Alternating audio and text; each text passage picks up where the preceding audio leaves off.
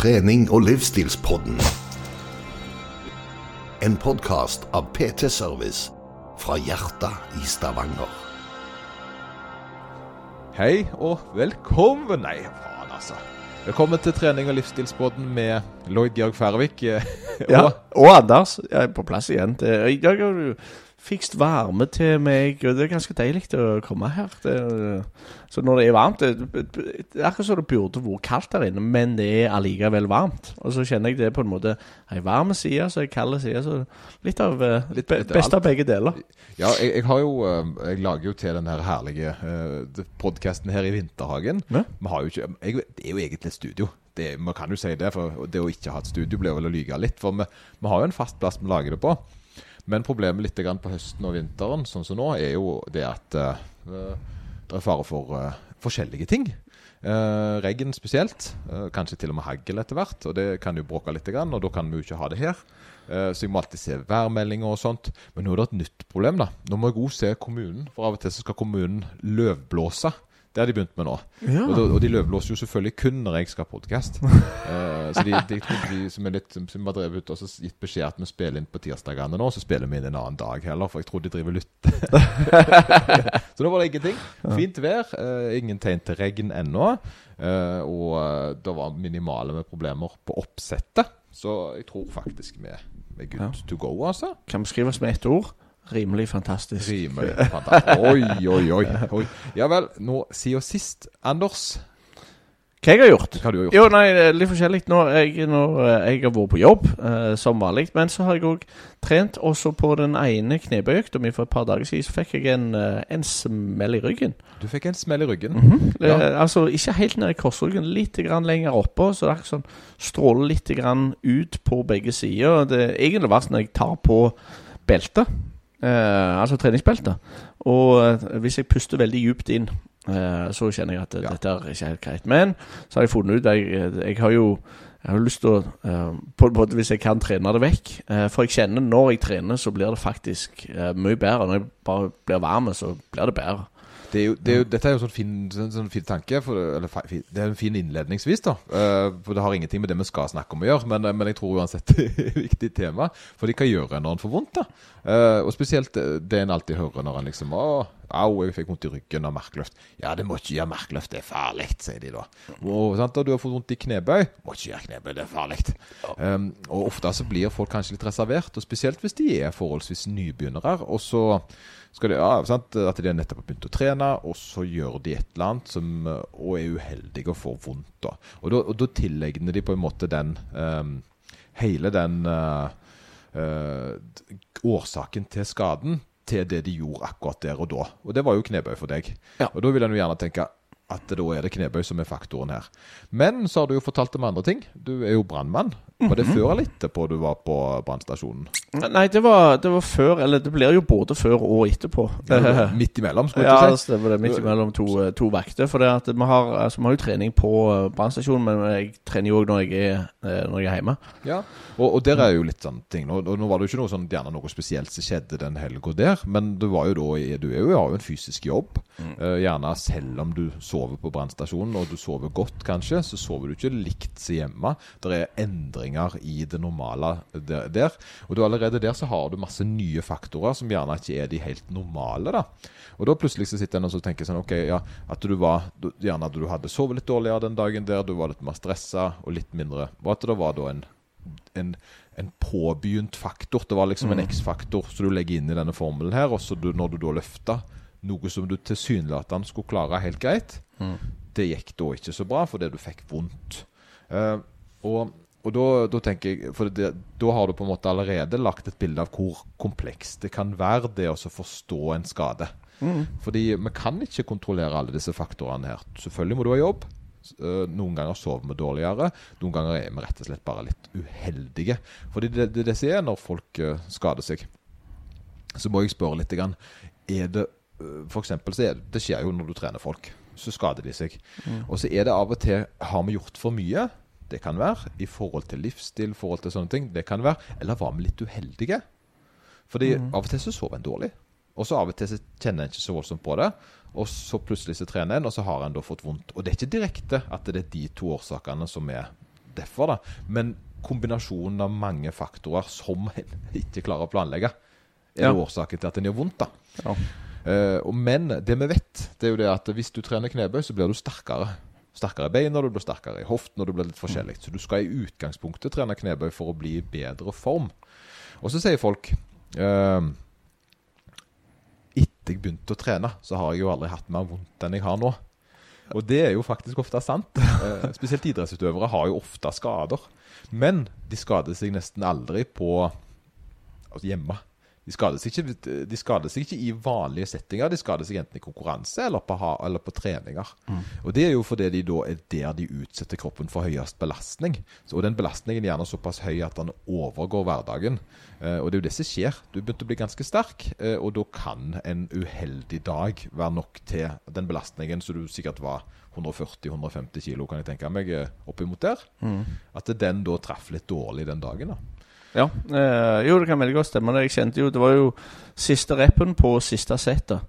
Så eh, det var jo der han traff. Så så jeg var jo egentlig veldig fornøyd med å ha klart å ha gjennomført. Men jeg kjente ok, da det, det sleit kanskje litt mer enn det eh, eh, vanligvis har gjort. Da det, da, det kan vi ta for Ok, da, for da var det ganske langt inni. Så da var du varm. Eh, og da var du alle de faktorene som skulle tilrettelegge for at du skulle skade deg, ikke skade deg, var, burde jo være der. Kroppen burde være klar for den siste rappen.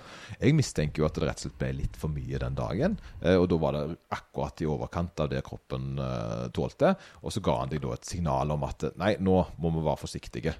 For det er det som er det, er at det, av og til så har han ikke skada seg, men kroppen går i forsvar. Ja. Uh, og det er gjerne det, for det var jo ikke sånn at du datt eller du fikk en akutt skade. Du fikk bare plutselig at noe låste seg. Ja. Uh, men uh, du har jo ikke vondt når du varmer opp. Det blir jo bedre med en gang, som du sier, når du varmer opp. da. Så da mistenker vi jo med en gang at det er muskulært. Og da tenker jeg det at restitusjonen har vært litt for dårlig i forhold til arbeidskapasiteten du har påført kroppen. da. Eller arbeidsmengden du har påført kroppen. Ja, nei, jeg, jeg var ganske interessert i dette her veldig tidlig, for jeg fikk vondt, og så eh, hadde jeg egentlig lyst at det skulle være et eller annet muskulært, for da vet jeg det at du, eh, da klarer jeg å fikse det sånn høvelig kjapt, iallfall. Iallfall det jeg har gjort tidligere. Og ikke at det var en akutt skade som oppsto for eh, Altså, eh, smerten eh, var, en stund ganske høy, som gjorde at jeg kunne tenke de retningene. Fasik, nå nå er jeg skikkelig skada. Men så prøvde jeg litt til, bare veldig, veldig lett, og så kjente jeg nei. Nei, det kjennes egentlig ikke så galt ut. Dagen etterpå så hadde det jo allerede blitt mye mildere. Ja, og Ja. Det, det har du med deg, men det, dette er, tror jeg det du gjør der. Og det, det, meg og deg har jo gjort For du har jo hatt et par smeller opp gjennom, du. For du Ja, har ja. trent godt. Og, og det som husker du var så overrasket over hvor fort du ble bedre i ryggen etter en smell. Og det er noen år siden. Og da, for da var du ganske tidlig oppe og begynte å bevege deg. Og jeg tror det viktigste en gjør, og dette er ikke lett, det er først så må du prøve. Sånn som jeg nå det høres ut som jeg bagatelliserer det. Men jeg gjør jo ikke det. Jeg prøver jo ikke å blåse det opp. Fordi det første vi skal prøve å få vekk, er jo redselen. Vi kan ikke forvente at det har gått til helvete. Det er ikke lurt. Nei, nei, jeg tror ikke det. Nei, slutt. Jeg, da, da er det ferdig. Nå er da- er ferdige i morgen. Ja. Uh, I utgangspunktet så må vi bare håpe at dette uh, hørtes verre ut enn det var. Og så må vi da se om det går over, og prøve å gjøre de lure tingene. Litt sånn at vi er litt borti og prøver å ut, eh, bevege oss og være i bevegelse og se om det slipper. For å da også håpe at det, at det går over på forholdsvis korte tid. At det var bare litt sånn OK, det, det skjedde den dagen. At det var mer signaler enn strukturelt, da. Ja. Uh, og så etter hvert så det tar lengre og lengre tid, så må en jo begynne å skjønne at dette kanskje var større enn en håpte. Fordi hvis vi starter i feil ende, så vil det være veldig psykisk vanskelig, for da blir en veldig redd for å gjøre ting. Eh, vi må, For de aller, aller fleste gangene en får vondt, så er det jo ikke noe langvarig. Eh, og, og vi som mennesker er jo veldig gode på å glemme vonde ting. Sånn, sånn sykdom iallfall. Har du hatt influense, så går du ikke rundt og De fleste går jo ikke rundt og så identifiserer seg som en person som har hatt influensa en gang. Så det er liksom noe Ja, ja, ja. ja, ja. Jeg, det- jeg skjønner veldig godt at det uh, eh, Så det jeg prøver på nå, det er på en måte egentlig bare å kjenne meg fram.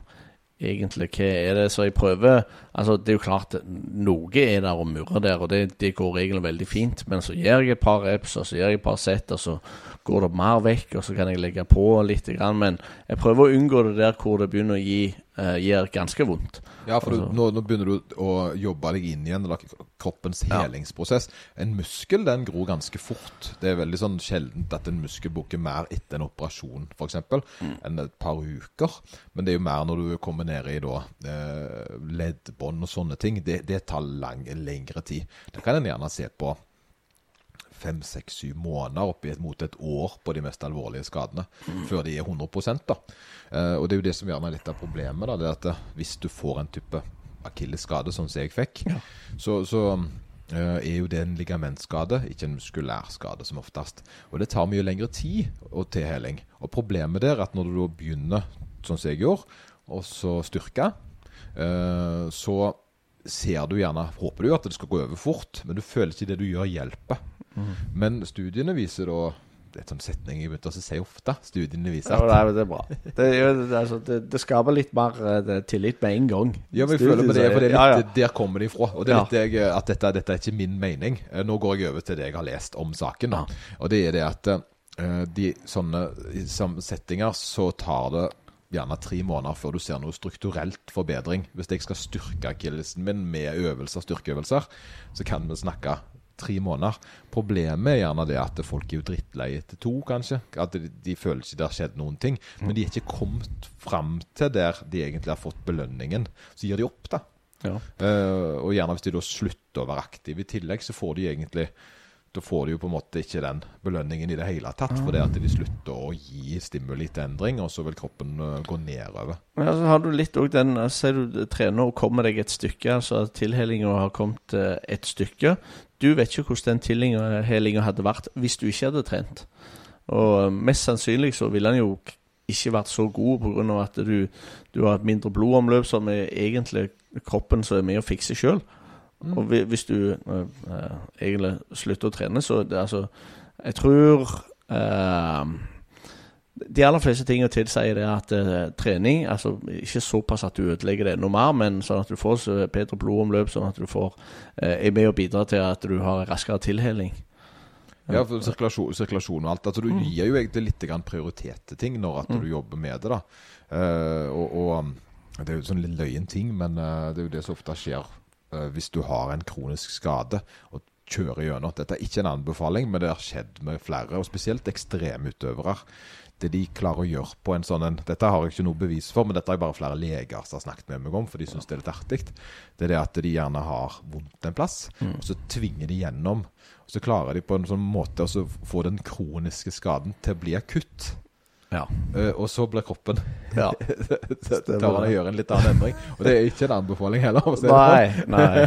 Hvis armen er brukken, se om den brukken. Og ikke prøv å se om du kan bruke den frisk. Det, Nei, nei. Stemmer det. det, det er litt det som, det er litt det som tankegangen med tøying. da. Uh, tøying gir jo ingen effekt på stølhet. Ofte, altså, det var det vi lærte da vi var små. Så lærte vi at vi skulle tøye for det at, eh, på gym og sånt, for da ble vi ikke så støle. Men hva er tøying? Nei, Du strekker jo musklene. Ja, det er mer trening. Ja. Det er jo det som er. Uh, og det, det, det er jo ikke logisk at når du da har jobbet masse med musklene, de har blitt brukt, og så skal de fikses derifra. Så for å fikse dette på en raskere måte, så gir du han mer. Ja. det, er ikke, det er jo ikke logisk i det hele tatt, egentlig, når du tenker på det. Så det, det å tøye på en måte for å fjerne stølhet er ikke en løsning lenger. Men eh, jeg har jo da fått noen sånne noen eh, slides in the DMs, jeg. Eh, da får folk begynne å høre litt på oss. Ja, Jeg syns det er litt kult. ja Jeg har fått litt feedback på opp dette opp til flere uh, som, på- som, som jeg ikke Jeg ble litt sånn overraskende hvor det kom ifra. Ja. Ja. jeg hører på dere og jeg syns at det- Og jeg liker det at de syns vi høres litt profesjonelle ut. Ja, Å ja. ja. Det, det jeg sagt. Det, og jo da, Bra jobba med dette utstyret her, så tenker jeg utstyr, jeg tror det er utstyr. Og det, det er jo det jeg håper på, da, at det skal høres litt grann, uh, tydelig og klart. Og Ja. det ikke, for Jeg har prøvd å høre litt podkaster, uh, og jeg sliter litt hvis det er sånn telefonlyd og klang og bråk. og Det er på en måte det, det er litt møyrende minne, mine. De er litt sensitive, altså. Oh, ja. Så jeg prøver jo alltid at det skal bli enda bedre på det, fordi jeg synes jeg setter sånn pris på det sjøl. Ja. Det, det er ikke alle som bryr seg like mye. Jeg vet Kona mi hun bryr seg ikke så godt. Hun, hun syns bare innholdet er bra, så er det bra. Ja, OK. Så hun har, Ja. så hun har jo hørt alt. Ja, ja, ja nei, jeg, jeg er litt grann der jeg òg, at jeg eh, setter pris på god lyd. Uh, altså, Hvis jeg hører på en eller annen podkast og hører at det der er god lyd, så det gir litt grann ekstra. Ja, det er sant? Da får jeg en sånn følelse av at å, her har de på en måte gjort seg litt flid. Ja, ja, ja. Men, øh, men det er å gå tilbake da, Oi, til ja. Ja, da jeg rett inn til den, på dette med tøying, da. Så, Ja. så var det jo, det, har jeg fått et par studier i senere tid som har, det, der de har snakket om effekten av tøying som styrketrening. Uh, og den første som kom ut, den var jo litt spesiell. Fordi den, uh, det viste seg, ja, at det styrke, tøying kunne være like effektiv som styrketrening. Problemet var jo bare det at hvis du da går gjennom studiene og så ser litt grann hva, hva det defineres som, så Ja. er det jo da ganske mye tøying. Du skal da, mener jeg det var altså det, det er snakk om 15 minutter med intensiv tøyning på smerteskala 7 til 10, 3 til 4 ganger i uka. Ja, okay. Det, det tilsvarer 12 sett med bøy. da. Det, det, det, er, er en fjerdedel av tida med å styrketrene for å få Ja. skape ca. samme effekten. Og når du Ja. har syv av ti smerte på tøyinga, så ble en litt sånn Oi sann, ja, ok, det, det, er ikke, det er ikke en reell løsning. Nei. Det er litt sånn som okkulusjon. Det, det funker, det er ganske kult det er når du binder bl- sånn blodomløp og sånn. Ja. Og kan være effektivt hvis du er skada for å bygge deg opp igjen, men for de aller aller fleste så er ikke det en sånn ting som de orker å holde på med over lang tid. altså. Nei. Det blir rett og slett for ubehagelig og for mye stress. Men det var en annen studie som kom, på brystet, som da hadde vært litt mer fornuftige. Og der tøyde de ikke så lenge.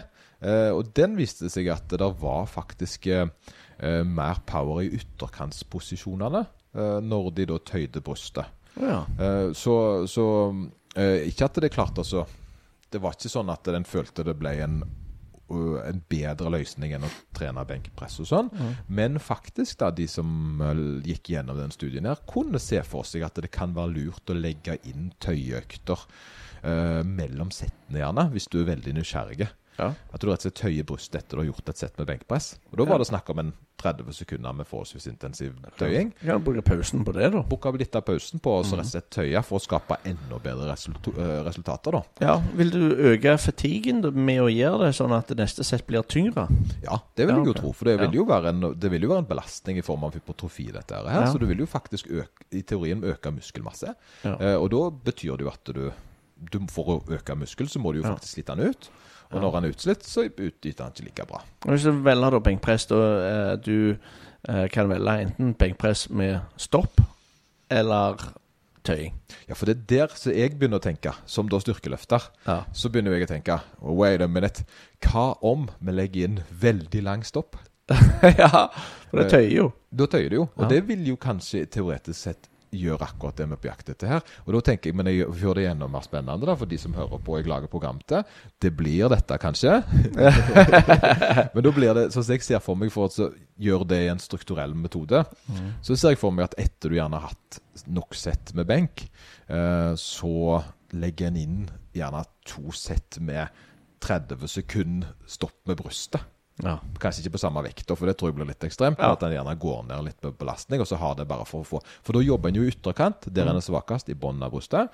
Eh, og, jeg vet, og jeg har jo tidligere gjort dette med knebøy, det gjorde jeg for mange år siden. Der en del av oppvarmingen var at en skulle sitte på huk med kanskje 50 kilo. Ja. Og bare for da, da synker du inn i riktig posisjon etter hvert. Så det blir på en måte en eh, Det er litt sånn som vektløfterne gjør det.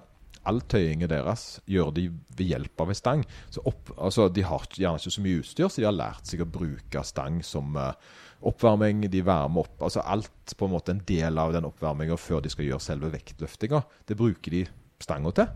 Så, og det er jo det som er use a barbel for everything. Ja. At du på en måte ikke skal da Det er jo det vi gjør. Ja, jo, jeg, jeg ser det. Det, det ser kulere ut òg, faktisk. Ja, men det gjør jo det. Og jeg ser jo når de holder på å varme opp og så driver trikser litt og kjører litt uh, hamstring og sånn. Så det er jo veldig mye øvelser en kan gjøre. Selvfølgelig er det bedre med apparater i visse tilfeller, men det er jo dette handler litt om det også gjerne når en da jobber seg inn i en øvelse, så kan en da være boka med knebøystanger som på en måte en del av oppvarmingen. Da, at en ikke har masse utstyr som en må gå og lete etter. Finne stasjonen sin, jobbe seg opp til da, der en er inne i knebøyen. Det er jo det som kalles for sånn aktiv, altså smart oppvarming. Ja. Og smart oppvarming er jo at du Hvis vi hadde stått på trampoline først i ti minutter, og så skulle vi gjøre knebøy, Ja. så det, det henger jo ikke helt på greip. Da kaster vi vekk knebøytid på en måte, litt grann, da, at, og, det ikke, og det gjerne kunne vært en forholdsvis fornuftig oppvarming, det. Men det du vil, er jo at oppvarmingen skal jobbes inn i det du eh, skal. Så når du da er ferdig med oppvarmingen, så har du gått over i knebøy. ja. Og det kan jo da være greit Ja, men er Lett i knebøy, er ikke det god oppvarming for knebøy? Jo, men Ja. for noen så er ikke det nok, da. Så sier Ja, okay. jeg som er Jeg skal ikke si gammel, men iallfall skrøpelig. så jeg, jeg trenger jo varme opp, tøye litt legger. Jeg trenger også eh, også få varmt, varmt opp hoftene, for de knaser litt. Og så det er forskjellige ting. Jeg kommer rett og slett ikke i knebeposisjon før jeg har prøvd noen sett. Ja. Og mange av utøverne mine som er godt voksne, de trenger faktisk et par sett før de klarer å komme til dybde. De kan, Mens andre har ingen problemer med det. Ja. Og da må en på en måte primes litt. Grann. Altså det, og det, og da, da er det jo de øvelsene en gjør det med, bør jo ikke være trampoline eller karate, liksom. Det bør jo være en eller annen ting som en kan gjøre gjerne på samme stasjon. Ja. Det er sånn du går rundt og så gjør. Kanskje ligner på det du skal gjøre. Ja, sant. At du faktisk har en veldig sånn overf god overføringsverdi. At du, du sklir litt inn i det. At det ikke blir At du må Jeg tenker liksom du ser for deg du må gå rundt med den bagen på Ja. fire-fem stasjoner før du gjør knebøy. Ja, Det blir jo mye tid som går vekk. Ja, jo, det er helt klart. Uh, men jeg tenker når det gjelder uh, smerte og når det gjelder Altså smerte og skade trenger vel ikke være helt det samme. Eh, Da er det gode argumenter, det har vi jo snakket før om. Det det, Men det syns du jo egentlig er morsomt. Det er at Hvis du har ho- hodeverk, så har du ikke nødvendigvis en hjerneskade. Du har jo vondt i hodet. Mm. Det er mer et signal om at noe mangler. Eh, Det kan være er dehydrert, Ja. det kan være forskjellige ting. Men du har jo ikke noe, nødvendigvis noe fysisk vondt. da nei. Så, men kroppen er jo litt sånn at den beskytter gjerne. Eh, Mm. At den skrur på et beskyttelsesgreie hvis at den føler at nå er vi litt eh, Nå holder det. Og det er jo gjerne det som kan skje. Mm. At du da blir At du stoppes ifra å bruke nesten foten. Det er jo litt Mm. det som gjerne en kan tenke seg at stølhet er. At nå må vi ta det litt rolig fordi vi må jobbe litt med dette. Ja, ja, ja. ja. Jeg, men det er vel òg en greie, for, iallfall i forbindelse med skade. Det er at du Det er vel kanskje ikke det lureste å hele tida søke etter den raskeste måten å komme tilbake på. Altså Si du har, du har vondt i låret eller du har fått en eller annen eh, form for smerte, og så tar du ei enkel økt med veldig enkle vekter, og så tenker du nei, nå skal jeg tilbake til der jeg var. Lør på med vekter, og så vi, vi, som, jo eldre vi blir, jo mer reserverte blir vi jo på Ja. den reisen. da At vi blir veldig forsiktige. Ja. Men jeg tror, øh, jeg tror det at vi mentalt tenker, Litt av problemet med vekter er jo at en kan overkjøre eh, belastningen. At en har masse vekter på ryggen og gjør knebøy f.eks. Så blir det veldig lett å gjøre for mye fordi en hiver på.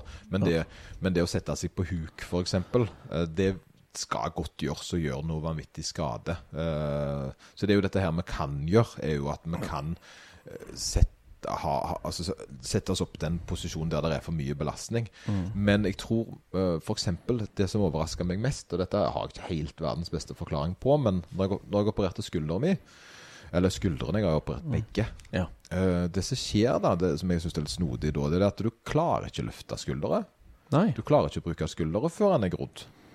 Uh, og den syns jeg jo er litt rar, for det er liksom ikke noe kontakt mellom hjernen og hånda. Eh, at det, det å løfte armen er faktisk noe som kroppen stritter imot på. Så det er jo masse sikkerhetsgreier der uh, som sier nei, dette var dumt. Ja. Uh, problemet er hvis at du får veldig vondt og ikke kan trosse det, som f.eks. med knebøy, der du da ja, får kjempevondt i ryggen, og så hiver du på 150 kg og ser hva som skjer. For når du er på vei ned da, så har Ja. du ingen exit. Nei. Så det er det som er, og det samme er det gjerne med benko, men i markluft eksempel, så har du en mye lettere exit. Du kan jo bare sette vektene vekk. Ja. Eh, Og det kan du i veldig mange øvelser. Ja. Mens akkurat knebøy og benkpress er jo det ulempen. Har du vondt i brystet og så senker vektene, så har du ingen exit. Altså, jo, du kan jo hive vekten ifra deg og alt dette greiene her, du kan jo det, men gjerne da du, du, du kommer på det fort nok, da. Mm. Ja, jeg, jeg har faktisk en lignende opplevelse. Det var en skade jeg fikk i skuldra, jeg òg. Og da, uh, når jeg skulle ta benkpress, da, så uh, prøvde jeg å ta armene ned likt. Så, sånn som jeg alltid har gjort, altså at de går parallelt. Den ene armen bare stoppet. Og det er egentlig litt løye, for det at jeg bruker ikke så mye skuldermuskel for å få vekter nedover. Nei, men han skjønte at dette Han stoppet. Ja, ja, ja. Ja, niks. Ja, så altså, det- eh, prøvde jeg å tenke Ok, vi må ned her nå. Vi skal helt ned til brystet. Niks. Ikke snakk om. Så Den var egentlig bare OK, da må jeg ta den opp igjen. Da. Så jeg tror jeg kom en kvart ned, så stoppet han. Men, men jeg tenker, sånn. uten at du skal være grafisk, da, så tenker jeg du er jo litt velsigna i forhold til jobben din. Så, for du som brannmann, du har jo gjerne sett mye rart eh, som folk har kommet ut av. Ja, ja. Eh, og det er jo det, det da gjerne en ser hvor utrolig det kan, vi kan tåle. Ja, kroppen den er egentlig ganske robust, og han, han tåler mye, og han kommer seg tilbake fra ganske, fra ganske mye. Ja, altså, Over tid, da. over tid. Ja, Så det er det, det er sånn ordtak Det hadde vi òg i Forsvaret. Det er på en måte Slow is smooth, smooth is fast. Så altså, bare ta ting litt grann med ro, så kommer det. Og det har alltid vært på en måte en god løsning for framtida. Istedenfor å rushe inn i et eller annet der altså, du skal på død og liv eh, eh, fram opp og fram hele tida. Ja, det, det er jo litt artig, fordi det, når du har en sånn innstilling til ting, og på en måte så, så vil det være litt lettere. Og nå uten å hete for mye på kiropraktorer og sånt. eh, Når du går til en kiropraktor, så blir du ikke fikst. Nei. Du blir jo ikke satt på plass igjen. Eh, Ja. Og det vet jo kiropraktorene, og de fleste vet jo det etter hvert at det er ikke sånn at du knikkes på plass. For det, det hadde vært veldig absurd at vi skulle på en måte sette inn i en skive som hadde sklidd ut. Ja, ja, ja. Eh, Men du kan gjerne få en smerteregulering av det. Men mye av det det handler om, er jo touchen og trøsten og forståelsen. Og det å på en måte komme inn der og være livredd 'Jeg kommer til å dø', og så sier noen til deg 'Nei, det gjør du ikke', for dette er en snuggebung, og en snuggebung den varer vanligvis i tolv uker, og du blir helt frisk. Eh, da har du et tidsperspektiv som er litt i framtida. Du har lov å ha vondt i dag, men du skjønner at det kommer til å gå bra. Da blir ikke smerten så intens lenger, for du er ikke like redd for gjerne å dø, da. Eh, det er litt overdrevet. Du går ikke til Ja, jo, ja, jeg jeg, hva du at mener. Det er kjempeoverdrevet her, men, men og det er det som er det, at det, det å på en måte bli sett og få en bekreftelse på at dette går bra, kan være veldig mektig, altså. Eh, og ja, eh, jeg sier ikke at kiropraktor bare er tull, men det å knekke ut luft på leddene og sånn, har ingen beviser i eh, studier. Det er ingenting som sier at det hjelper. Men vi kan på en måte ikke utelukke det når det er så mange som har opplevd at det fungerer heller. For jeg sjøl går jo til kiropraktor og får behandling med visse ting. Og jeg føler jeg tenker det skader i alle fall ikke. Og bare den tanken der er jo positiv. Ja. Eh, og det med altså, den effekten det har, bare det å på en måte tenke positivt. For det er at hvis du eh, Hvis du googler den vondten du har, så kommer du fram til ganske eh, horrible svar på hva du har for noe. Ja, Og, og hvis du da i tillegg skal gå og kjenne etter vondten, for det er at du har jo verste typen kreft som fins, så alle kreftene. ja, ja, du, ja, stemmer det. På grunn av en liten Så går du og kjenner etter vondten, og da antar jeg at du, du kjenner mye fortere, og han kjennes mye mer intens ut enn det han trengte å ha vært hvis, hvis du har fått beskjed om Hør, ta deg ei bolle.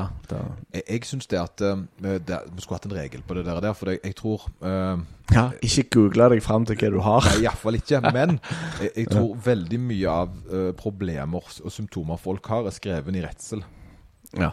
Eh, det er ingen som på en måte Å ja, nei, det var ikke det var ikke det likevel. Det var veldig smerte Altså, det var veldig lite problemer.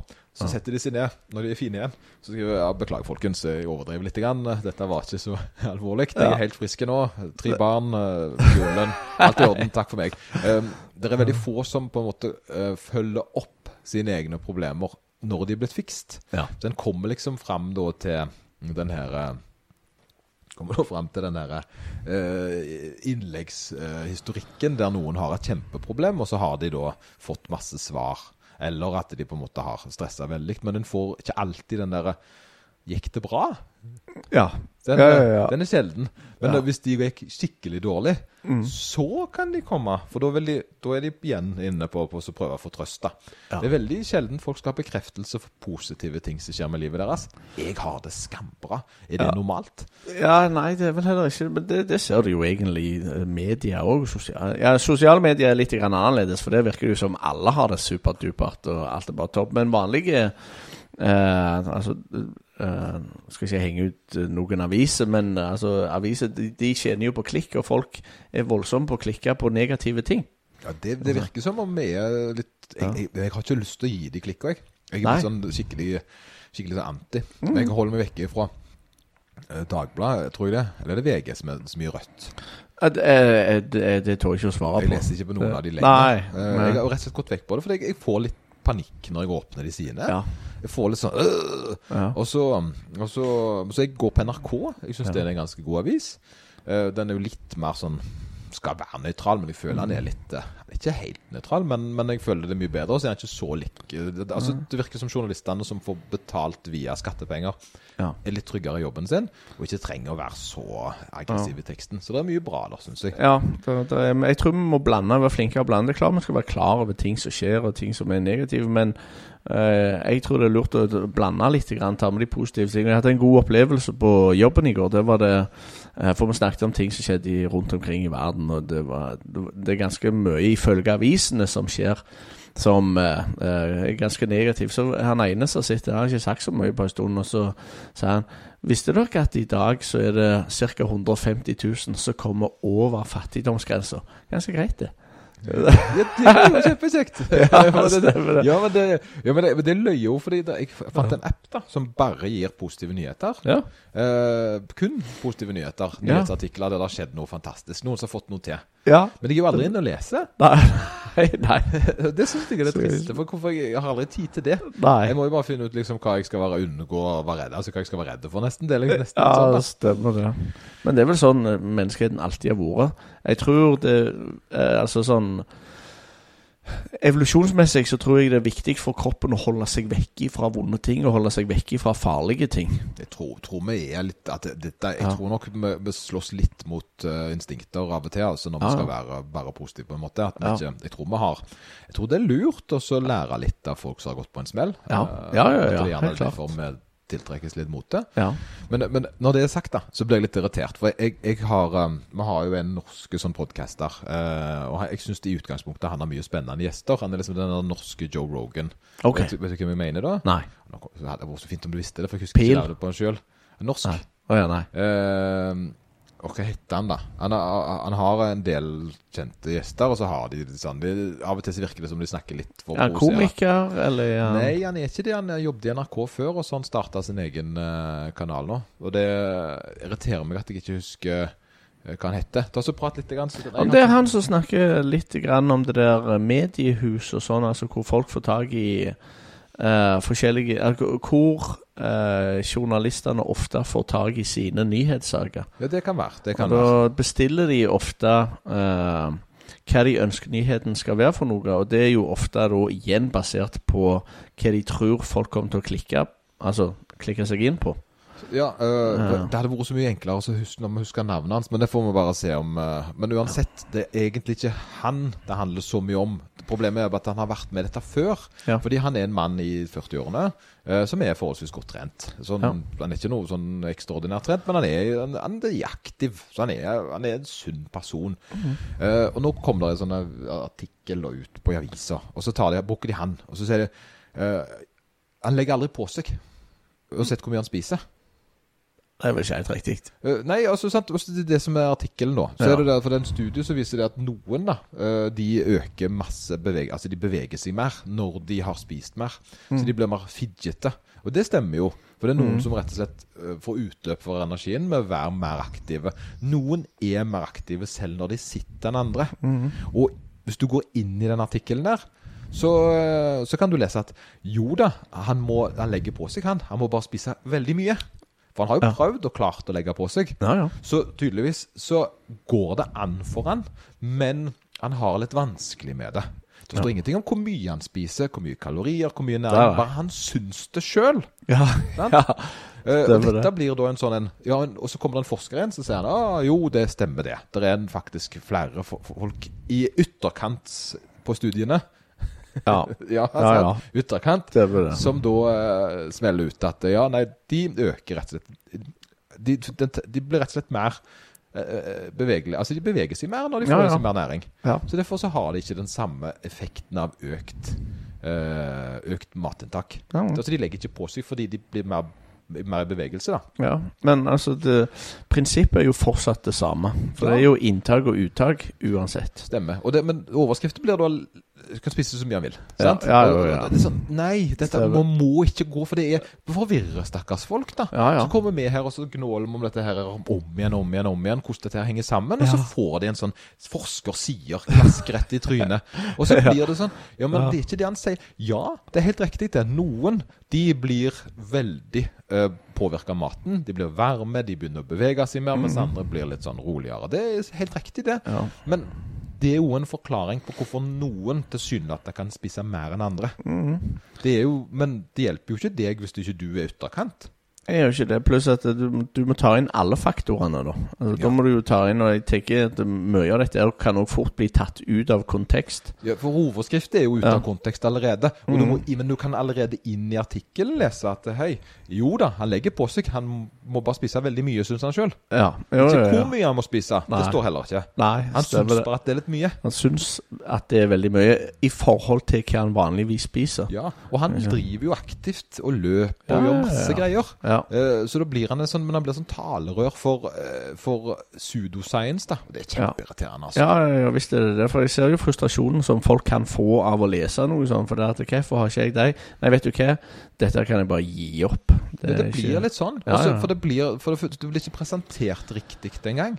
Eh, det blir liksom en sånn sensasjonsgreie, og det er derfor jeg ikke leser dette. For jeg syns det blir sånn Sånn kan du ikke presentere det. Nei. Det blir misvisende, fordi folk har ikke alltid tid til å sette seg inn i hva du egentlig skriver. Ja. Men du gir dem noe sånn her, så en liten oppsummering på hva dette handler om. Kjempespennende, sant? Og så tar du det for god fisk og sier Nei, det var ikke helt det jeg mente. Det skriver jeg inn i artikkelen. Ja. Så det, det irriterer meg kjempemasse. Jeg, jeg husker en artikkel som ble presentert på ei side som heter forskning.no. Ja. Og overskrifta var nok til uh, at OK, da, da, vi trenger ikke lese mer enn overskrifta. Og overskrifta var faktisk omvendt av resultatet som den artikkelen hadde tatt utgangspunkt i. Altså den forskninga. Så det var, var egentlig omvendt. Så folk tok det jo for god fisk at overskrifta stemte. Og så var jeg inne og så leste litt, grann, og så viste jeg nei.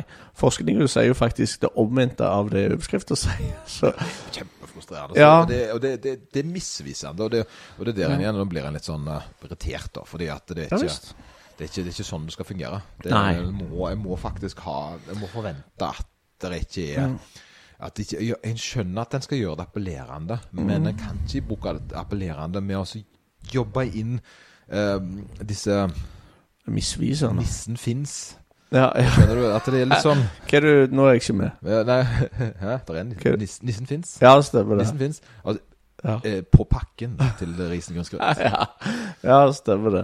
Men du, altså, når vi snakker om forventninger, da. Du sier du eh, Du er ganske overvektig og du har lyst til å gå ned. Hvor mye Hvor mange kilo er det sunt, og hvor mange kilo er det trygt å gå ned? Altså i vei og måned? Kjempegodt spørsmål. Fordi dette er noe som folk har et eh, helt misoppfatta eh, inntrykk av. For det folk tror, da, etter at de ser sånne ekstremgreier. Og jeg sjøl gikk jo ned hva da, syv kilo på ei uke. Jeg har jo ikke slanka meg. Jeg har jo regulert ned vannet. Så du husker det når jeg gjorde det i forbindelse med en konkurranse. Ja. Det er jo, og det er jo mer ekstreme tilfeller enn det. Men for å gå ned det med fett, da så er fett, den, det fettet vi har på kroppen, det er ganske energirikt. Så når man skal, Og det eneste vi egentlig vil ha vekk, er jo fett. Vi vil jo ikke øh, slanke leveren. Vi vil fjerne fett. Eh, Og fett er energirikt. Vi vil ikke manipulere vann, vi vil kun ha fettet. Så hvis vi da skal ned i fettprosent, som da burde være målet med enhver uh, verdighet. Ja. så var det jo det jeg snakket sist om. Det er jo dette her med at eh, hvis en skal prøve å beholde mest mulig muskelmasse, hvis det er viktig for seg, så skal en da holde seg på rundt 500 kalorier underskudd for maks, da. Fordi hvis det går over det, så begynner kroppen å bryte ned muskelvev i tillegg i større og større grad jo lengre ned du går på kaloriunderskuddet. Ja.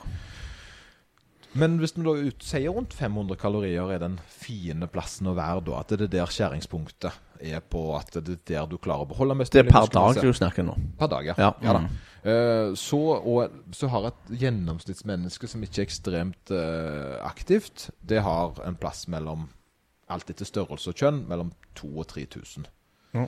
Så la oss si et standard gjennomsnittsmenneske da, er 2005. La oss bare si det. Ja. Det, det er helt ja, ja. umulig å gi et totaltall, for det at nå tar jeg med kjønn og alt og bare klasker et tall her.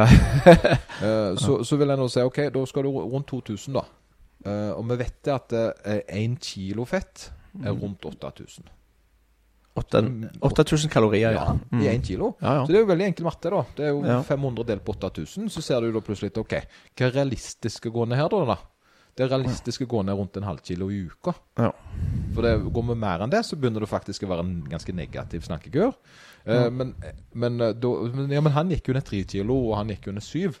Ja, men eh, fett Du kan gjerne i starten av en slankekur gå ned litt mer, fordi da blir det litt endringer på vann i væske i kroppen, og det er ikke farlig. Men etter hvert så vil gjennomsnittet bør det ligge på rundt en halv kilo i uka.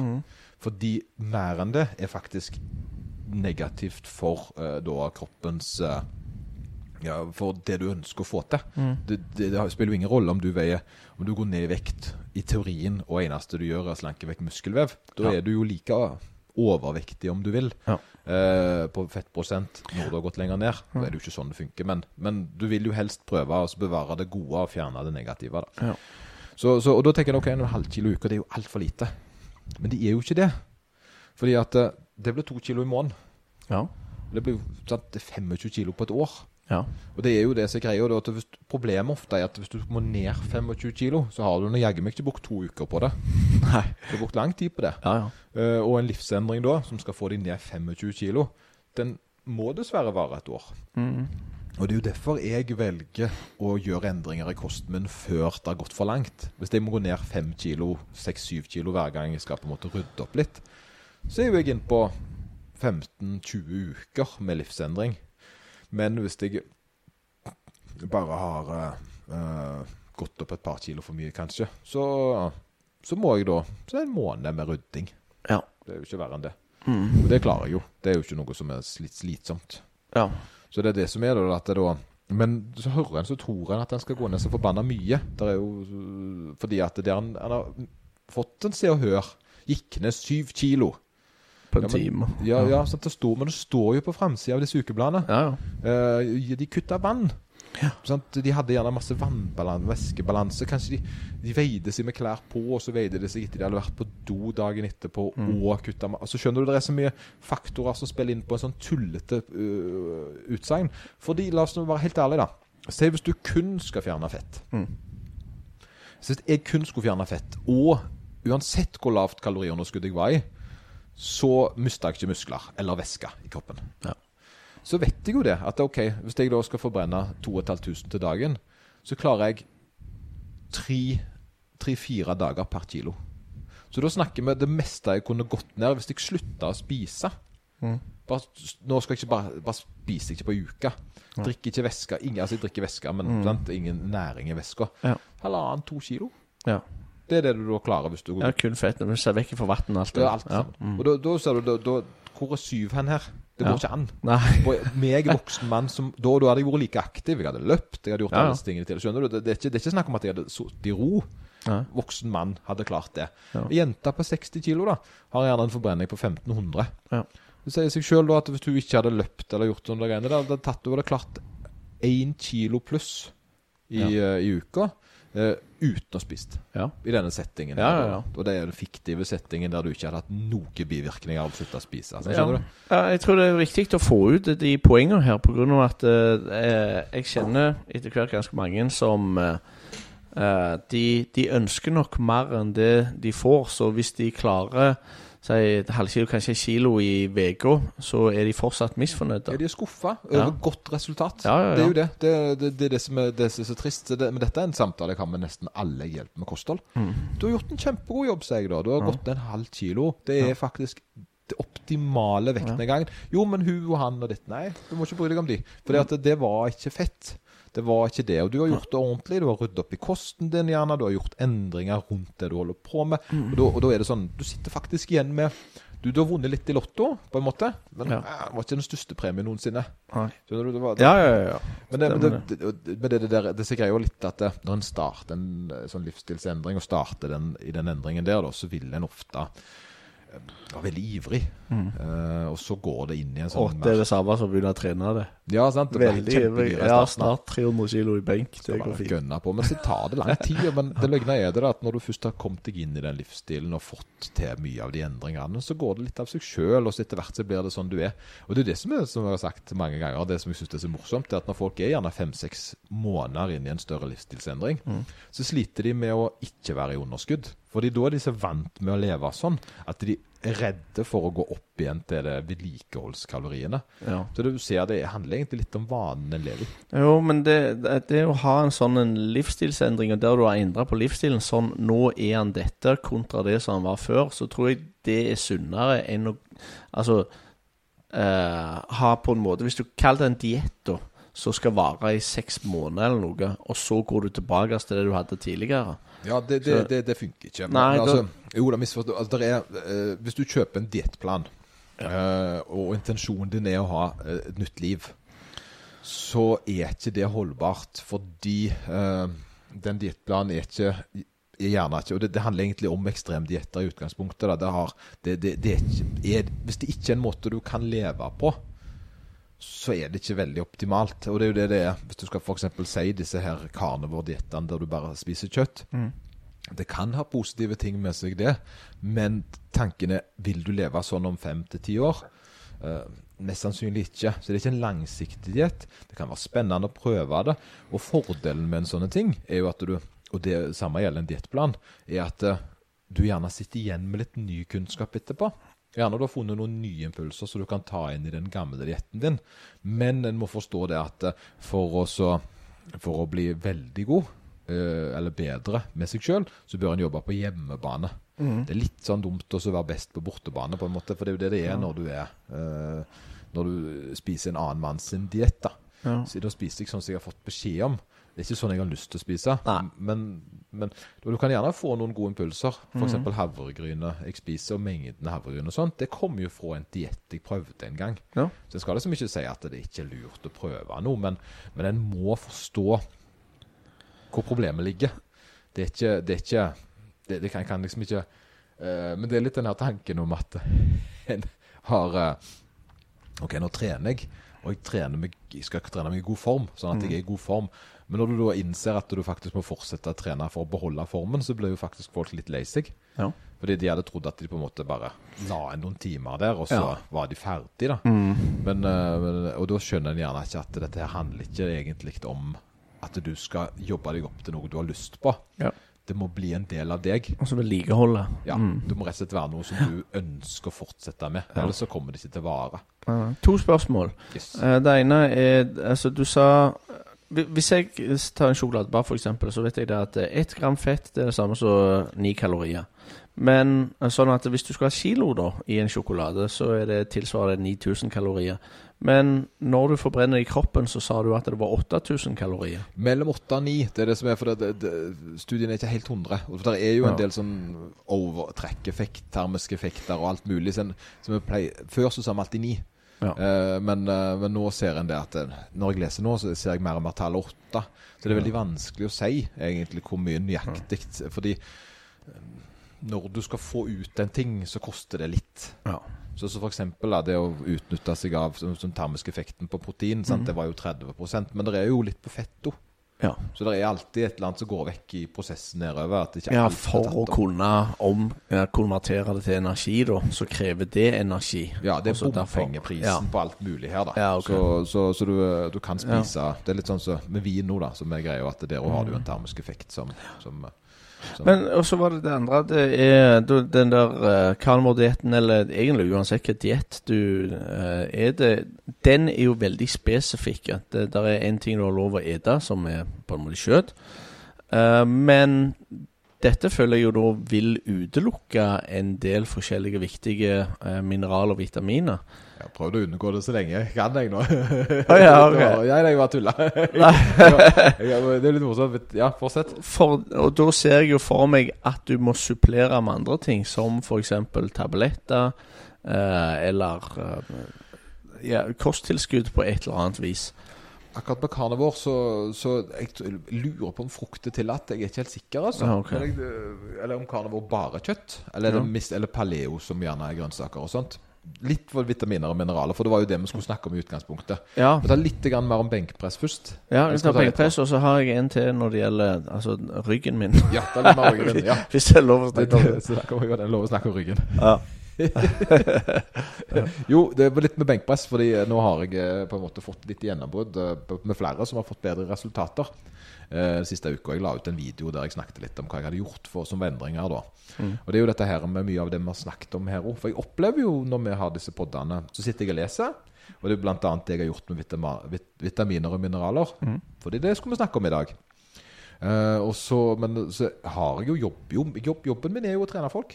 Men eh, når jeg da sitter og så skal liksom komme med noen tidbits, sånn nyttige ting her, så sitter jeg og leser, og så sitter jeg på studier og leser og lærer meg nye ting. Og så blir det sånn Ja, men dette kan jeg gjerne bruke sjøl. Og så en erfaring, så kommer det inn litt kunnskap, så kommer det inn noe nytt spennende. Og så har jeg da sett at ok, hvis jeg gjør sånn og sånn F.eks. det med tøying. Det kan kanskje være litt spennende i forhold til det å øke benken. Jeg sier ikke at det er løsningen på alt, men det kan være enda et uh, godt uh, skrujern i verktøykassa. Ja. Eh, men det som jeg ser da, det er at med benkpress så har vi kommet litt der. Så det var det jeg sa sist. Spesialisering, at en har single, og så har en da mer og mer fokus på litt tyngre hypotrofi. At en er litt høyere opp på da RPE-skalaen, om du vil, hvor, eh, hvor eh, tungt en pusher seg på noen av dagene for å skape mer eh, resultater. Eh, det, og det tredje her er jo det med volum. Uh, at jo nå er det litt sånn Ok, hva er det optimale volumet? For det er det som er litt av problemet, og det er der jeg begynner å se neste puslespillbrikke. da Det er økning av volum. Eh, og det er litt grann for det, og dette er noe jeg tar for løping. Nå vet jeg at det er noen som liker best når jeg snakker om styrke, og så er det noen som liker best at jeg snakker om løping. Men nå må jeg ta en kombinasjon her. Ja, ja, ja. De aller fleste beste løperne i verden, de springer Mye. mye. Og de springer plass mellom 150 og 200 km i uka. Eh, og det er litt rart, selv om de gjerne driver med eh, ekstrem altså maraton, gjerne mer raskere. Ja. Så, så så jeg at det var noen studier som viste at det er, de springer mye. Selv om de driver med kortdistanse, raske ting, så er volumet i løpet av løping i løpet av uka ganske høyt. Ja. Men selvfølgelig spesialisering er jo mot det de holder på med, da. Og så er det jo litt det der, ok da, men da, dette er jo litt logisk at det bør være det samme i eh, styrketrening. Styrketrening, ja. Så da må vi jo tenke, ok, eh, hvordan kan vi da øke eh, her? Og da er det jo det å øke volumet på da den mengdetreningen, at vi har mer kilo løfta. For vi kan ikke ha masse høyintensitetsløfting, for det ville jo vært som å bare springe intervaller. Og det skader du deg på.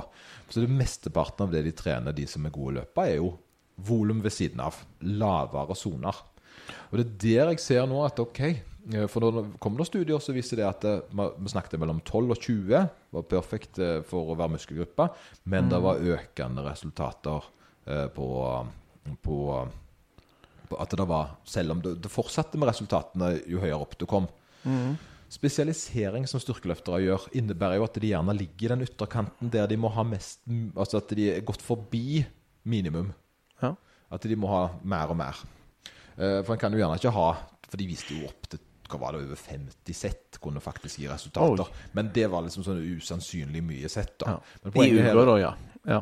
Per muskelgruppe, liksom. Ja. Men det er litt av greia da, hvis du trener benk, så får du jo poeng for armen. Så Mm. det er en, en poeng, en, benkpress, ett sett, er jo ikke bare bryst, det er jo arm. Ja. Da. Så det, det blir jo flere muskelgrupper som kobler inn her. Og det er en formel jeg ikke helt kan i hodet, hvor mye hver øvelse gir i forhold til verdi, da. Men ehm, men uh, her er det jo det at da må en gjerne øke volumet litt. Grann. Og så Poenget da er ikke at en kan jo ikke bare hive på masse volum heller. For det at det, det må jo klimatiseres til. Så nå ser jeg da og tenker ok, hvordan skal en da lage de nye programmene nå, da? Da er det sånn gjerne en begynner med tre sett. To oppvarmingssett og tre-fire sett. Og så gjerne øke en litt settmengden på en dag i løpet av en periode. Og så slipper en opp overskudd og prøver formtoppa. At den rett og slett programmene blir litt mer At de ikke bare blir spissere, men de blir litt bredere òg. Det er liksom litt sånn artige tanker som jeg gjerne kan hive ut der. Går det an å kombinere, eller sier du da at det er best å kombinere både eh, hypotrofiøkter og styrkeøkter? Der noen, der, der løfter du veldig mange reps, Mens andre, der løfter du eh, mer kilo, færre Ja, eh, men det er bautaene. Det er Ja. bautaene, Og det var jo det jeg har sett har gitt veldig gode resultater. ene er spesialiseringa, der en da kjører benkpress med stopp. 1-2 rep. Høyre, forholdsvis høy intensitet. Det vil da si litt som intervallene våre. Ja. Så har vi det som kalles for tempoøkter, om du vil. Hypotrofiøktene der du fokuserer på å bygge volum, altså bygge muskler. Eh, beklager, ikke bygge volum, men bygge muskler. Det er da økt to. Det er jo de to øktene der. Og så kommer det i tillegg til der du har mer volum, da. Der en da ikke har så mye fokus på så ekstrem intensitet, men øker volumsettene for at en rett og slett blir trener mer. Og det er jo det en gjør når en løper. Hoveddelen av løpeturene mine er jo ikke harde. De er bare kilometer. Og så har en da de spesialiseringsøktene der en da For en blir jo bedre i å løpe bare av å løpe. Ja. Og intensjonen der, og det er det samme med benkpress, knebøy. Putt inn den øvelsen du vil, da. At på et eller annet tidspunkt, når en blir veldig god, så er det en måte Det er ikke bare det å prøve å pushe lenger. Du må ha mer volum. Det at kroppen, når en får volumet du har nå Piece of cake. Piece of cake bro, sier han da. No problem. Og så blir det ikke noe mer. Da har det stoppet. Så jeg tror rett og slett det å breie det ut, da. Men det innebærer jo lengre tid på gymmet. Det er Ja, jo, jo, jo. Men det er jo altså, De aller fleste som prøver på dette, trives jo på gymmet. Så det, virker som de har- det kjekt. ja, det er jo litt av livsstilen, det òg. Ja, og det var det. For det var det jeg satte så- Men nå satt jeg da Nå var jeg ute og løpte i går. eh, og så har jeg jo nå så det siste drevet og lasta ned podcaster og YouTube-videoer og alt mulig om vitaminer og mineraler. For det var det du var litt nysgjerrig Ja, på. ja, ja. ja. Det, er jo, det handler jo òg litt grann om den der eh, skaden, eh, eller det Vondten jeg har, eh, har jo òg handla litt om hvor viktig er Altså, jeg vet treninga, den kjenner jeg jo, den fungerer jo. Sant? Blir varm alt det der. Hvor viktig det er òg kostholdet og søvnen. Og eh, vitamin og mineral oppi dette det er altså korrekt eh, mengde. Restitusjon er jo de, Det er jo søvn, Mm. stressreduksjon eh, og næring. Ja. Altså hydrering, selvfølgelig, men putte gjennom næringa, da. Det er jo de tre viktigste. Det er jo, det er jo, så har du alt det andre i tillegg, da. Det er jo, men uh, å få nok søvn, uh, å få spise nok mat med de rette nærings... Uh, altså de tingene du trenger, er jo For det sånn som for eksempel vi har I Norge så er det veldig, veldig få vitamin- og mineralmangler. Men det er sånne land rundt i verden, f.eks. der vitamin A, som er med å hjelpe syn, at de rett og slett folk blir blinde fordi de mangler vitamin A. Det er jo ganske ekstremt da, å tenke på at det er mangler som gjør at folk går blinde fordi de har ting som vi har i overflod her. Ja. Men litt av poenget der at jeg skulle lese om vitamin og mineral, så er det sånn Altså, en kan jo gjerne pugge det, sant? Men jeg var litt nysgjerrig på Ok, eh, hva er det for noe? Og Ja. det var ikke lett. Nei. De jaggu meg ikke lett, altså. Så nå, nå så jeg, jeg, og jeg har ikke klart å få eh, Jeg må ærlig innrømme at jeg, jeg har fått litt. Jeg kan gi noe gøy info, men dette er et stort tema som eh, det var veldig lite info om. Ja. For det er liksom vitaminer og mineraler. Det er viktig for deg. Mm. Det er kjempeviktig. Det er, det, det er liksom det som er Ja, greia. det er alle- ja, ting kroppen trenger. Ja. ja, ja, ok. Det er veldig, veldig viktig. Men det forklarer jo ikke hva det er. Men la oss nå gå litt inn på det, da. Altså vitamin, det står for vita, som er da vital. Det er Ja. viktigste av alt. Livet betyr det latinsk. Mm. Vita. Og så amin. De trodde opprinnelig det var aminosyrer, men det er det ikke. Nei. Og Det som er litt fascinerende, da, det er at vitamin er organisk. Ja. Mm. Det var ikke jeg klar over. Og, og faktisk så mener de det at vitamin D, som egentlig ikke er en vitamin, det er mer et hormon. Uh, og det er jo den Og vitamin D er egentlig ikke noe vi er nødt til å få direkte inn i kosten. Uh, fordi vi får det av sola. Så det er, bør egentlig ikke være helt sånn. Vi kaller det vitamin, men det er kanskje ikke vitamin likevel. Så det var litt spennende. Men i Norge så har vi jo, får vi jo for lite pga. at det er for lite sol. da Så Ja. derfor har vi det da som tilskudd ofte. Mineraler er jo nettopp mineraler og kommer fra jorda. Uh, da alle disse forskjellige uh, mineralene. Kalium, kalsium, Stemmer. jod, Jod, Ja. i iron, i ja, natrium. natrium, er salter og Mm. sånt. Så det, og det, men det er ting som kommer fra jorda, mens uh, vitamin det er fettløselige og vannløselige. Uh, og så da enten kommer via frukter og sånt, eller da Mm. via fett og leveren.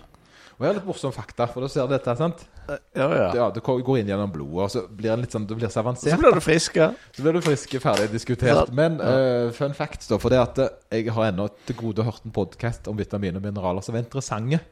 Å ja, okay. Og det var det ikke. Men jeg hørte sånn når de snak, Fordi de jo, det virka som de ikke hadde lyst til å snakke om det. Ja, ok. De Ja, ja.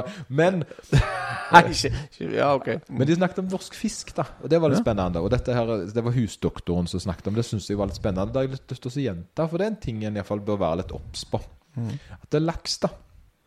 Laksen og dette For en snakker da om Og jeg eh, Dette er ting som står i legeskrifter, så dette er ikke, dette er ikke Men når en snakker om det, så blir en litt sånn konspirasjonsteoretiker, og det liker vi litt. Grann. Ja, ja. Og det er jo det at uh, både villaks og norsk oppdrettslaks har litt mye uh, Litt mye Kvikksølv. ja, kvikksølv, men også sånne kreftfremkallende stoffer i seg.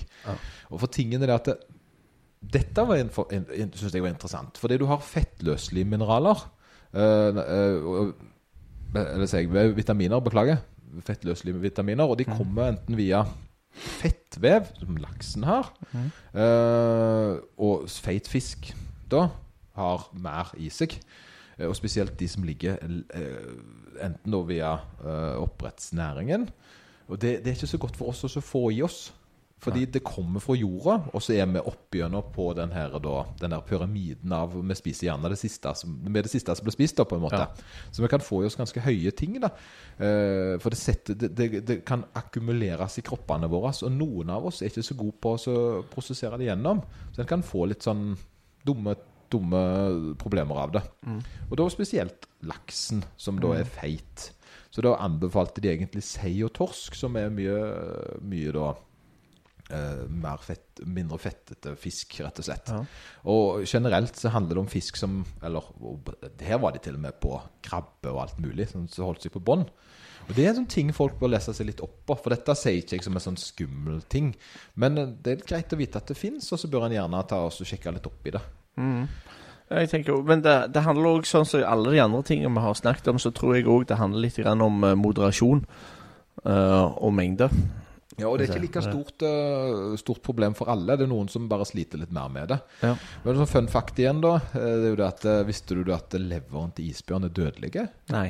Eh, nå vet du det. Ja, OK. Ja, for jeg. For, for den inneholder såpass mye eh, av vitt- altså, fettløselig i leveren at én lever, eh, en isbjørnlever, den kan drepe 52 voksne mennesker. Oi sann. Mm. Og det var én gram, en tiendedels gram, var nok til å gjøre deg syk, eller noe sånt. Så det. Men Note du, to self, ikke spis isbjørn. jeg ser for meg at det, det, hvis du slipper unna med det Hvis du først dreper han med hendene, da, da er det unntak. Ja. Det er unntaksregelen. Du vet hvor mange mennesker en isbjørn kan drepe. Men hvis du tar den, tar på egen hånd, så får du lov å spise leveren. Det er en sånn en hack. Og det det, en hack. klarer du det, så jepp, da er jeg enig, faktisk. Ja, det var- det var- Det er ikke leveren som tar livet av deg, for å si det sånn. Men var iallfall isbjørn var hissig. Men der har du igjen da øverst. Du ser at de spiser da veldig mye av den feite type sel og alt mulig sånn, og så opp øverst på pyramiden. Og det ble det faktisk så ekstremt at det er dødelig for oss, da. Og det er òg en litt sånn eh, At eh, mange mineraler er, og vitaminer er farlig med for høyt inntak, er vel egentlig greia. Ja. Men så gjør vi det enda mer interessant, så kan vi gjøre det at det er jo da verdier, sånn anbefalte verdier. Og det, og det er en sånn god huskeregel på ting. Det er at vi har anbefalte, og så har vi optimale. Det er jo to forskjellige ting. Ja. Uh, og det, det er der en ser gjerne det at de anbefalte er litt lave ofte på ting uh, på vitaminer og mineraler. Problemet er jo det at uh, det er litt vanskelig å få i seg akkurat nok uten å vite veldig godt hva en holder på med. Så det er liksom vanskelig å anbefale at du skal så så mye. Fordi det er litt sånn du kan få de deg fra så mange plasser utenom tilskudd. Men det er liksom ingen leger som anbefaler deg å ta kosttilskudd, altså. Det synes jeg altså med mineraler og vitaminer. Og det syns jeg er litt rart. For de er jo veldig flinke på å anbefale medisiner. Ja, ja, ja, stemmer det. Det er sikkert ikke så mye penger å tjene på. Nei, kanskje du skulle solgt det sjøl. Og vitaminer det er, ikke, det er ikke så dyrt. For, for en boks jeg bruker eh, 100-120 kroner eller et eller annet, så han varer meg en måned. Så det, Det det, det står jeg i. Ja, Og det, og men det, er sånn, det er anbefalt mengde. Og så tenker jeg anbefalt mengde er ikke nødvendigvis optimal mengde, men da får jeg iallfall i meg noe. Og så kan resterende altså vitaminer, mineraler, alt det der, komme via kosten. Ja, for der har vi det med de vannløselige. De vannløselige de, eh, de kommer jo via kost, da. Og det er frukter og sånt. Eh, og grønnsaker f.eks. Uh, og de må vi ha nye ganske hyppig av, for de klarer kroppen fort. Mens de fettløselige, som vi da får via enten fett eller lever, eller sånne ting, de, de, de, de, de har vi godt lager på, altså. Ja. Eh, men de har jo kjempeviktige jobber, disse her. Det er jo det som er, det er jo eh, som er vita, da. De er jo essensielle for livet vårt. Ja.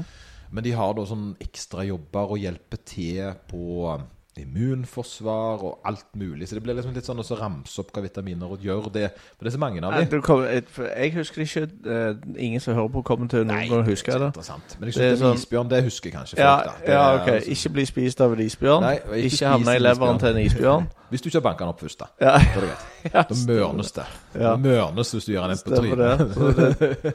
Egentlig er tre ting. Lever, negler og tenner på en isbjørn. Det er på en måte Hold deg vekk fra det. Hold deg vekke fra det. Ja, Ja. ja. Prøv å holde til et minimum. i hvert fall. Ja. Så, så jeg leste litt om dette her uh, vitamingreiene. Jeg òg blir kjedelig ganske fort. Eh, men det jeg egentlig fikk ut av det, for det, at det sto nedover hva det hjelper mot. Ok, det hjelper mot ganske mye. Altså Det hjelper uh, altså holde blodtrykket ditt i sjakk. Altså det hjelper Det er jo altså mineralene òg er med å hjelpe beinbygning, og de immunforsvaret er med å hjelpe det.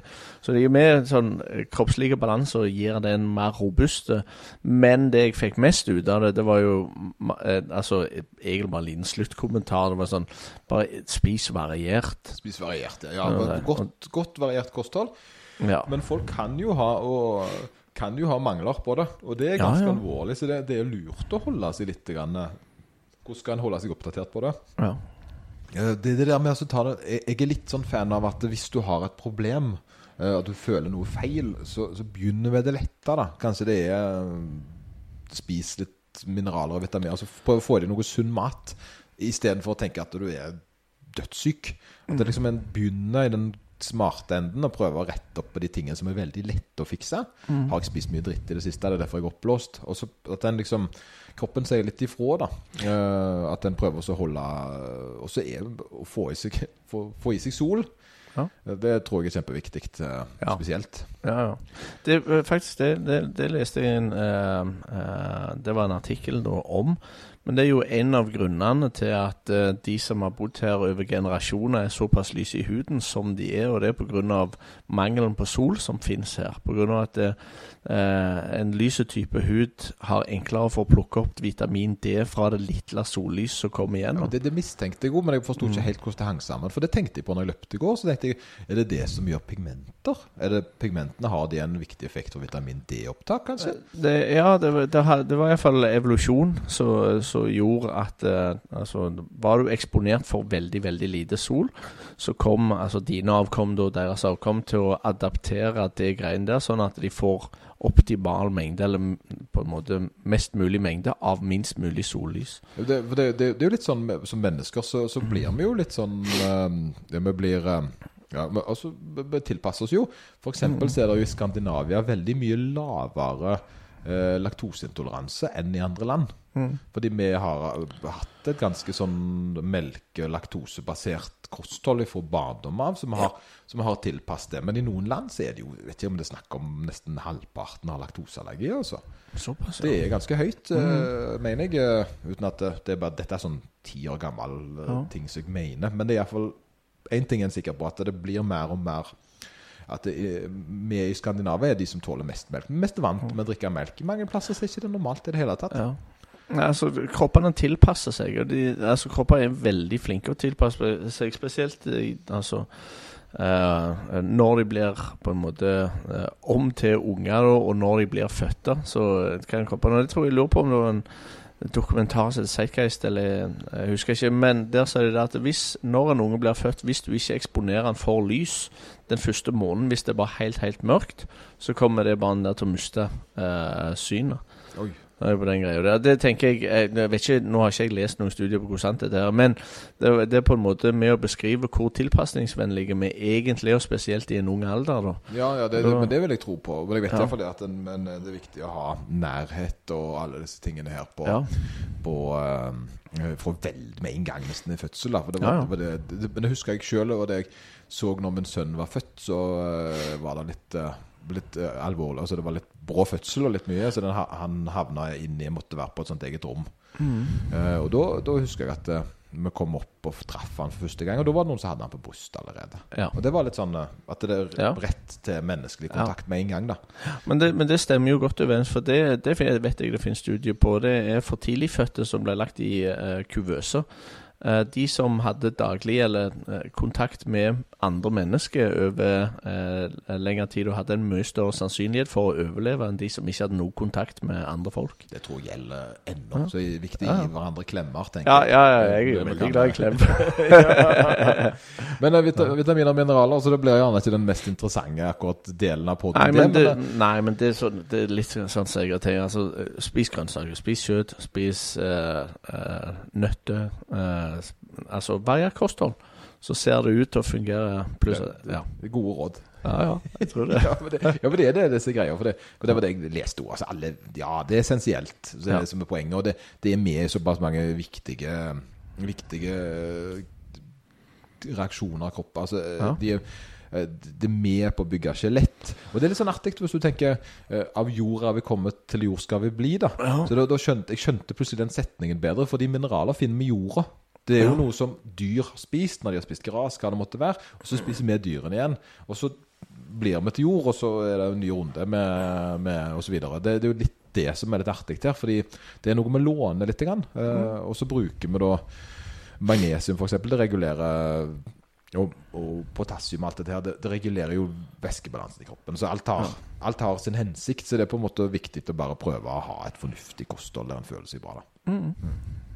Og det tenker jeg gjelder jo òg den der tilhelinga mi som vi starta å snakke om. Det er på en måte eh, bare et variert, et greit. Tren moderat. moderat. For er du et ekstremt kostunderskudd og ikke får viktige proteiner til sånn som det, så vil du jo eh, det, Da vil en jo eh, slite litt, grann, og det vil helingen ta lengre tid. Mm.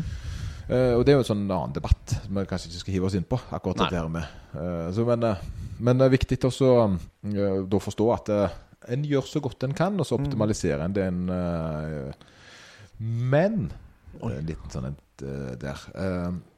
Det var litt artig, fordi de hadde tatt to tvillinger, enegga tvillinger. Eh, og, og nå er det veldig mye snakk om term og sånt, og ultrapast... Å ja, ja, ja, ja, ja. Og, og de tok to uh, enegger, Uh, og det var ekstremt stor forskjell på hvordan de reagerte på den samme maten. Oh, ja. De var, dette var en studie der de var, altså de var låst inn. Det var ikke snakk om at de uh, gjorde dette hjemme. Her var det jo under Dette var en uh, det, de, var, de ble fulgt opp. Alt de gjorde, ble testa. Ja. Og det var alt under oppsyn, på en måte. Og, det, og der ser du det at uh, de fikk forskjellige spikes i hormonelle reaksjoner på maten de spiste. og sånn. Alt det dreide seg jo om da eh, hvordan de hadde levd livet fram til da. da. At uh, vi blir påvirka av hvordan vi lever, og det tar det litt sånn som den her akillesen som vi snakket om i starten. Noe vi begynner med nå, gir seg ikke til syne før veldig langt inn i framtida. Og det var dette med den så her, det er at de responderte forskjellig på, på maten fordi livet deres hadde vært levd forskjellig fram til da. Og det er fascinerende, Ja, ja, ja. syns jeg. Jo, nei, jeg har, eh, jeg har veldig tro på egentlig både uh, genetikk, men òg miljø. Og at de to ikke kan uh, Altså, ingen av de to kan skille seg fra hverandre. De henger sammen med egentlig alt. Altså, Jo, men det var så stor forskjell. Selv om arv teoretisk sett skulle være ganske lik. Og det var jo da en så hvor stor miljødelen på kostholdet hadde å si. Så kroppen tilpasser seg veldig mye. Og det er jo det en ofte merker hvis en har spist en mat ganske lenge. Eh, så, så blir en vant med det. Mange som spiser veldig usunt, f.eks. sier usunt, og mener jeg at de spiser veldig mye ultraprosessert mat, eh, hermetikk og sånt, de, de blir ikke så dårlige på det lenger. Som, som folk som drikker alkohol. Har du drukket alkohol jevnlig over lengre tid, som ungdom f.eks., så blir du ikke så Du tåler mer, da. Det er jo det det handler om. Og det, den, og, det, og det å på en måte snu den greia der, når du da plutselig slutter å drikke alkohol, og så drikker du tre øl, og så blir du litt dårlig fordi kroppen er ikke vant med det lenger. Det betyr ikke at du er blitt dårligere på det, men du har, kroppen har ikke lenger den samme evnen til å stå i ting. Og Det er det jeg mener med at det tar lang tid før du gjerne ser reaksjoner på ting du har begynt, påbegynt. Kult. Cause and effect. Cause and effect, yes. Ja. Er, vi, er vi fornøyde med dagens vitaminer? Ja, jeg syns det. Ja, det var, det var ikke så mye av akkurat det, men jeg tror det var greit. Det, meste. Jeg skal hjem og fikse ryggen min. Jeg tror jeg er bedre rusta nå enn det var jeg var når jeg kom, så jeg er iallfall veldig fornøyd. Så bra. Dette, dette går bra, Anders. Ja, ja, ja. ja, det er vel det. det trøsten og alt dette greiene her. Er som er Eh, good work. Eh, men da er det jo um, veldig kjekt at folk hører på. Vi har jo hatt noen gode uh, vokst greit, og det håper vi jo at vi fortsetter med. Og folk setter pris på det vi lager. Og kom med feedback og send meldinger. Og det dukker liksom opp folk som jeg ikke vet hvem er, som kommer med ting. Og det er jo det jeg mener når det, du har kommet litt ut av Når det ikke Ah, bare er kona som hører på, så, så er det litt stas. Ja, stemmer det. Ja, det var kjekt. For du har ei fin uke, Anders. Yes, du òg. God helg. Tusen takk. God helg. Takk.